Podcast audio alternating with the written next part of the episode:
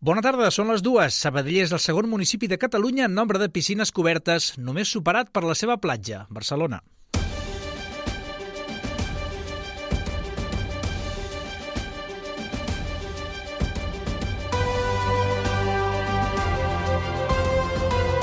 Notícies migdia. Pau Duran.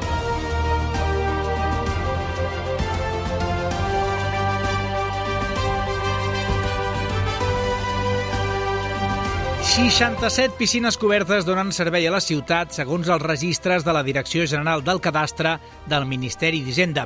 És pràcticament la meitat de les de la capital. Si mirem les piscines descobertes, en tenim 1.636. Vejam si alguna d'elles aconsegueix la consideració de refugi climàtic i es permet reomplir-la perquè estigui operativa a l'estiu. En uns minuts repassarem aquestes dades i les de la resta de la comarca, que ja us aviso que algunes sobten. I també parlarem de pantalles, conserges, estigmes, malalties minoritàries, teatre i concursos. Tot plegat amb la feinada del Departament d'Informatius i sota la batuta de la Beatriz Aguilar al control tècnic. Notícies migdia. La informació en 15 minuts.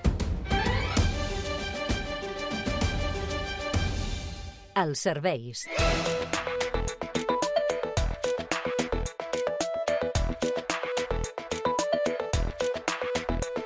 Anem a veure com s'està circulant amb el transport privat per carretera. De moment veiem a la B10 un quilòmetre de circulació amb retencions a la demarcació de Barcelona, pràcticament al nus de la Trinitat, eh? amb sentit nord i també a la C17 circulació amb retencions amb dos quilòmetres i mig aproximadament anant cap a Barcelona en el sentit de Canovelles i Lliçà damunt. A la resta, més o menys de moment, les carreteres que menen a la ciutat on donen sortida, tranquil·litat la notícia del dia.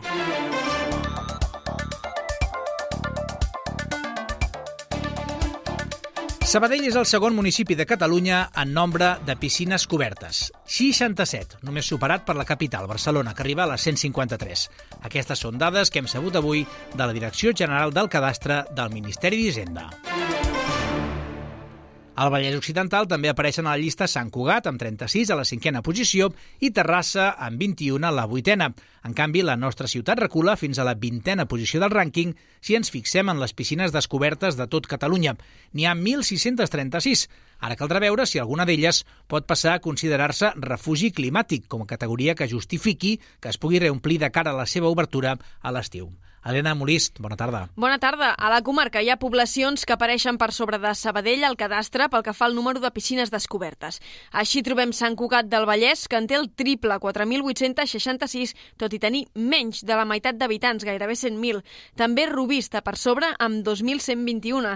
En canvi, compta només amb 80.000 habitants. A més, Castellbisbal en té 871, Castellà 1.078, Palau Solità 1.091, Sant Quirze 1.155, 1.025 i Matadepera 1.342. A Vacarisses n'hi ha 1.511 i a Terrassa n'hi ha 1.561. Qui condiciona l'obertura de piscines municipals al fet que estiguin catalogades com a refugis climàtics és el conseller d'Acció Climàtica de la Generalitat, David Mascort. De fet, s'està elaborant un cens específic de tal manera que les piscines públiques que acabin obrint compleixin requisits concrets. Mascort ho ha explicat en una entrevista a Televisió de Catalunya. Imaginem un barri on no hi hagi cap biblioteca, cap sala de lectura, cap espai on ens puguem anar amb aire condicionat a refugiar climàticament els veïns d'aquella zona. Doncs llavors poder, podríem estudiar que aquella piscina es convertís en un refugi climàtic i es pogués omplir. Però per eh, situació normal, no. Perquè és que eh, ens hem de posar al cap que no hi ha aigua. Llavors, hem d'estalviar tota l'aigua que puguem, perquè és que tot el que gastem ara no la tindrem després si no plou. Llavors la situació serà pitjor. L'Ajuntament de Sabadell, però, continua defensant que ciutats com la nostra ja l'estiu passat van aconseguir obrir les piscines i alhora reduir el consum d'aigua. Per això discrepa que es posi com a condició per poder obrir aquests equipaments que a la vora no hi hagi cap altre considerat refugi climàtic, com ara, per exemple, els centres cívics, biblioteques o parcs urbans. Si la mesura no s'acaba flexibilitzant, Sabadell es veuria obligada a mantenir tancades l'estiu que ve les piscines de Can Mercet, Olímpia, Campo Amor i Can Uriac, així com també la Bassa. Tota la informació a Ràdio Sabadell. L'escola Font Rosella del barri de la Concòrdia s'ha unit a la campanya Aquí comença tot de la Fundació Bofill. Helena, en què consisteix aquesta campanya? Doncs els centres que s'han adherit a aquest projecte volen reivindicar la seva feina i expulsar-se una mica els estigmes que els hi cauen. Yolanda Morales, directora del centre, explica que en el seu cas l'objectiu és que les famílies del barri portin els fills a l'escola, així com també fer una crida a famílies d'altres zones. Tenim molta diversitat i, i busquem doncs, que, eh, enfortir aquesta diversitat i, i treballar de manera que, que, bueno, que també ens vinguin eh, eh, alumnat de, de, diversos, de diversos barris no? de l'entorn, de, de Creu Alta, de Can Rull, és el que, la nostra proposta. No?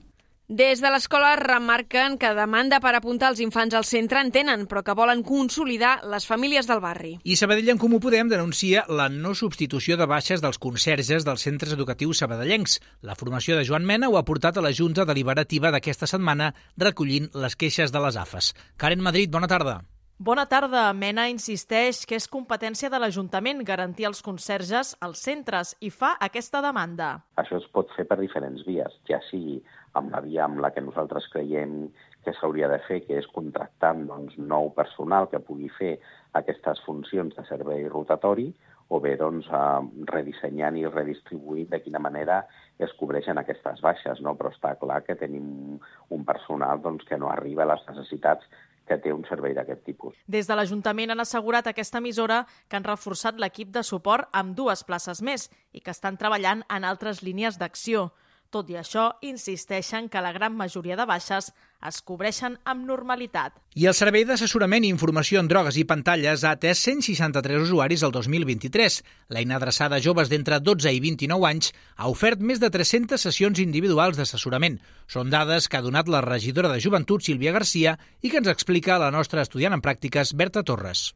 El 2023, més de la meitat de les intervencions del servei d'assessorament van ser per addicció a les pantalles, una problemàtica creixent que mostra diferències de gènere. Trobem això, eh? la, la gran necessitat és en general en tornar a les pantalles, però més específicament els números ens, ens diuen que això, que les xarxes socials són les noies i els videojocs i les apostes són els nois. Les sessions són confidencials i gratuïtes i es dirigeixen tant als joves com als familiars, els primers a advertir conductes d'alarma.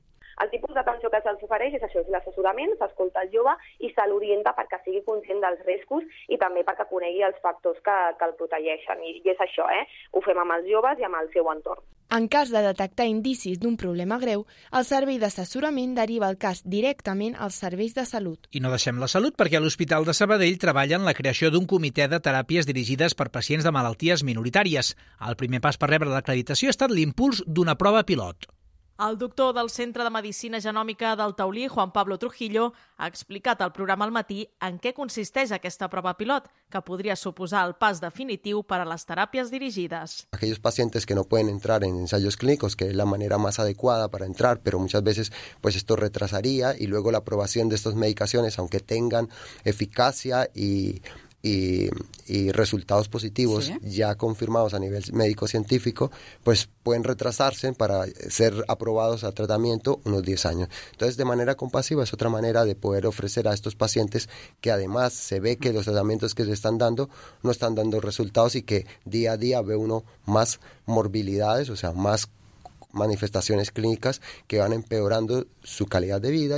Ara mateix el Taulí atén una mitjana de 200 pacients de malalties minoritàries cada any, tot i que es calcula que al Vallès hi ha uns 15.000 afectats.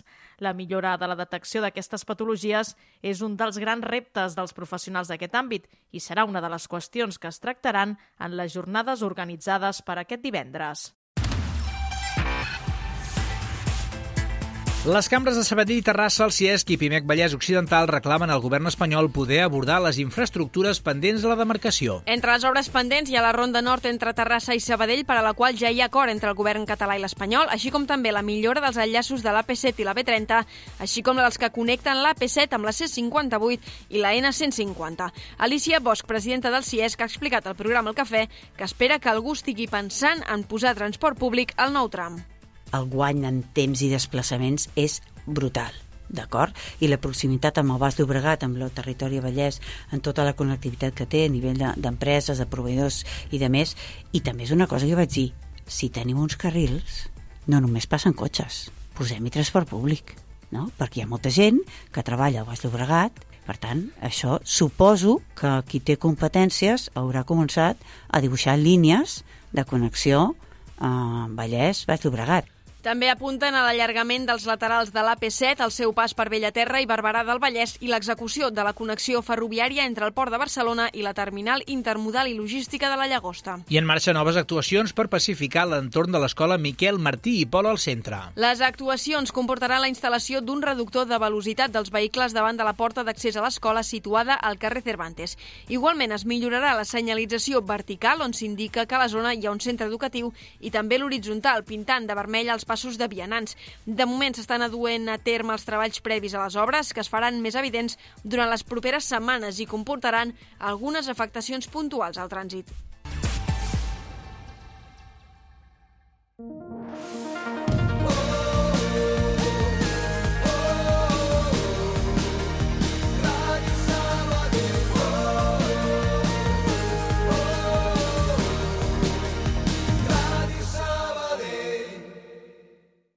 Taxi Més ara t'ho posa més fàcil.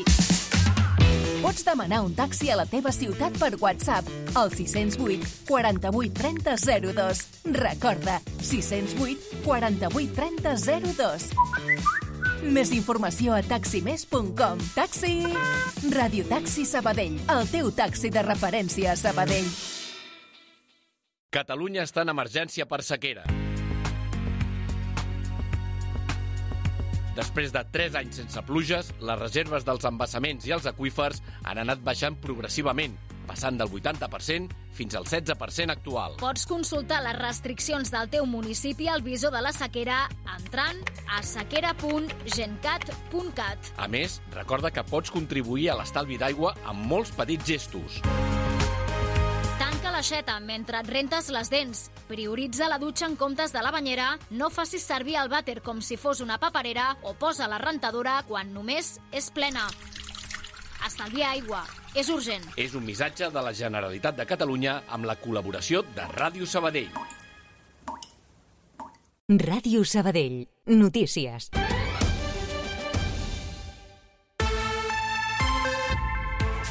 En àmbit general, Suïssa es nega a localitzar Marta Rovira. Nou revés pel jutge Manuel García Castellón. El magistrat de l'Audiència Nacional va demanar a un jutge suís que localitzés la secretària general d'Esquerra que porta l'exili des del 2018. L'Oficina Federal de Justícia de Suïssa, però, no veu proves de la participació de Rovira en el cas del tsunami. I polèmica al Parlament per la tramitació d'una ILP per declarar la independència. Doncs sí, la mesa ha tramitat la iniciativa impulsada per Solidaritat Catalana, malgrat l'informe desfavorable del lletrat, que és consultiu. Junts i la CUP hi han votat a favor, mentre que Esquerra s'ha abstingut i el PSC hi ha votat en contra. I una altra tramitació, la de la llei d'amnistia, s'allargarà 15 dies més. L'objectiu és guanyar temps perquè els socialistes puguin arribar a un acord amb Junts i evitar que la llei torni a ser rebutjada al ple. Per tant, els grups tenen de marge fins al 7 de març per assolir un acord a la Comissió de Justícia. Cultura.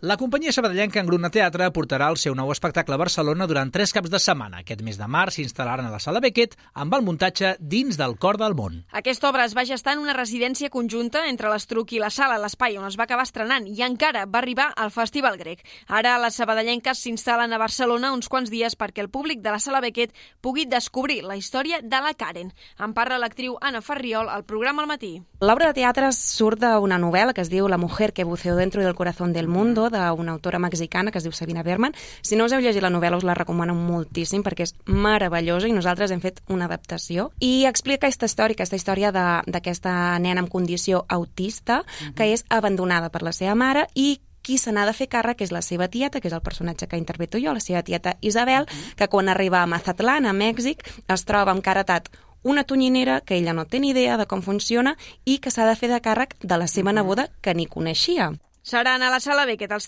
tres primers caps de setmana de març. I un sabadellenc que està entre el top 7 de millors concursants de saber i ganar d'aquesta temporada.